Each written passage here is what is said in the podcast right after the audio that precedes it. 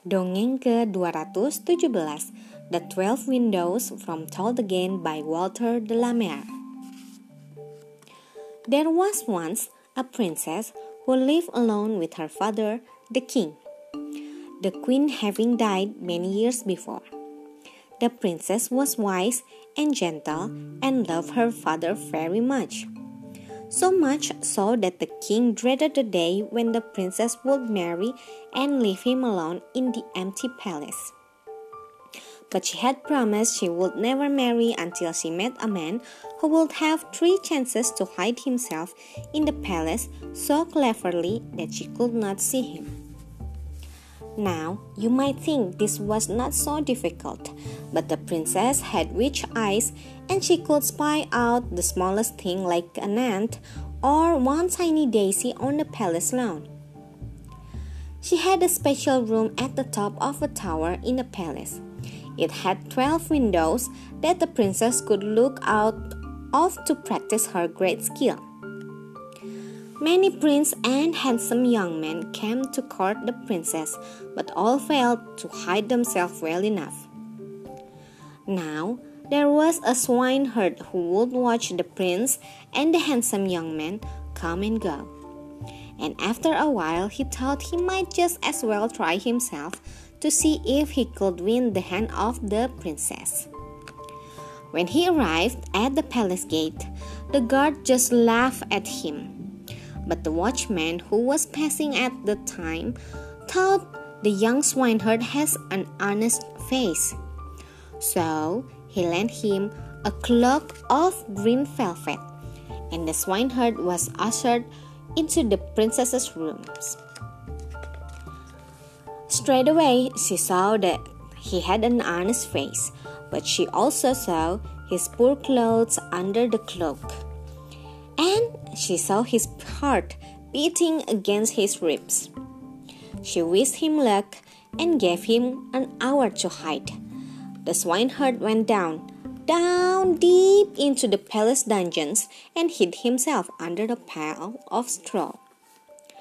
When the hour was up, the princess climbed up into her special room and looked through the first window. She could see no sign of the swineherd. She looked through the second window. She could see no sign of the swineherd. But then she looked through the third window, and there she could see him, lying under the straw. The princess was sorry as she realized that the young swineherd was the first of the many young men who had come to court her that she actually liked.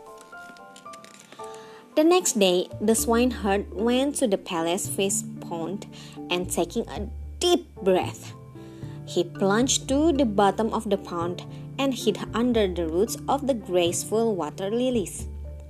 He waited and waited, his lungs bursting. The princess climbed up into her special room and looked through the first window, then the second, then the third, the fourth, and the fifth there was no sign of the swineherd, and the princess found she was pleased. She looked through the sixth and seventh and the eighth. There was no sign of the swineherd, and the princess found she was delighted. But then she looked through the ninth, and she saw the swineherd crouch in the pond. The princess found she was full of sadness. That night, the young swineherd went to see his friend, the white fox. He told her all about the princess and her witch eyes. The fox told him to get a good night's sleep. The next morning, the fox touched him with the tip of her tail, and he turned into a beautiful white mountain hare. Then she turned him herself into an old woman and taking the hare in her arms. She walked to the palace. The princess was walking in the palace gardens. She saw an old woman standing by the garden gate with a white mountain hare in her arms. The hare looked so beautiful that the princess could not resist going up to her. The old woman, who of course was really the clever fox, gave the hare, who of course was really the swineherd, to the princess. Together they climbed the stairs to the room with the twelve windows. The hare crept around under the princess's hair as she looked out of the first window. There was no sign of the swineherd. She looked out of all the windows until she came to the twelfth.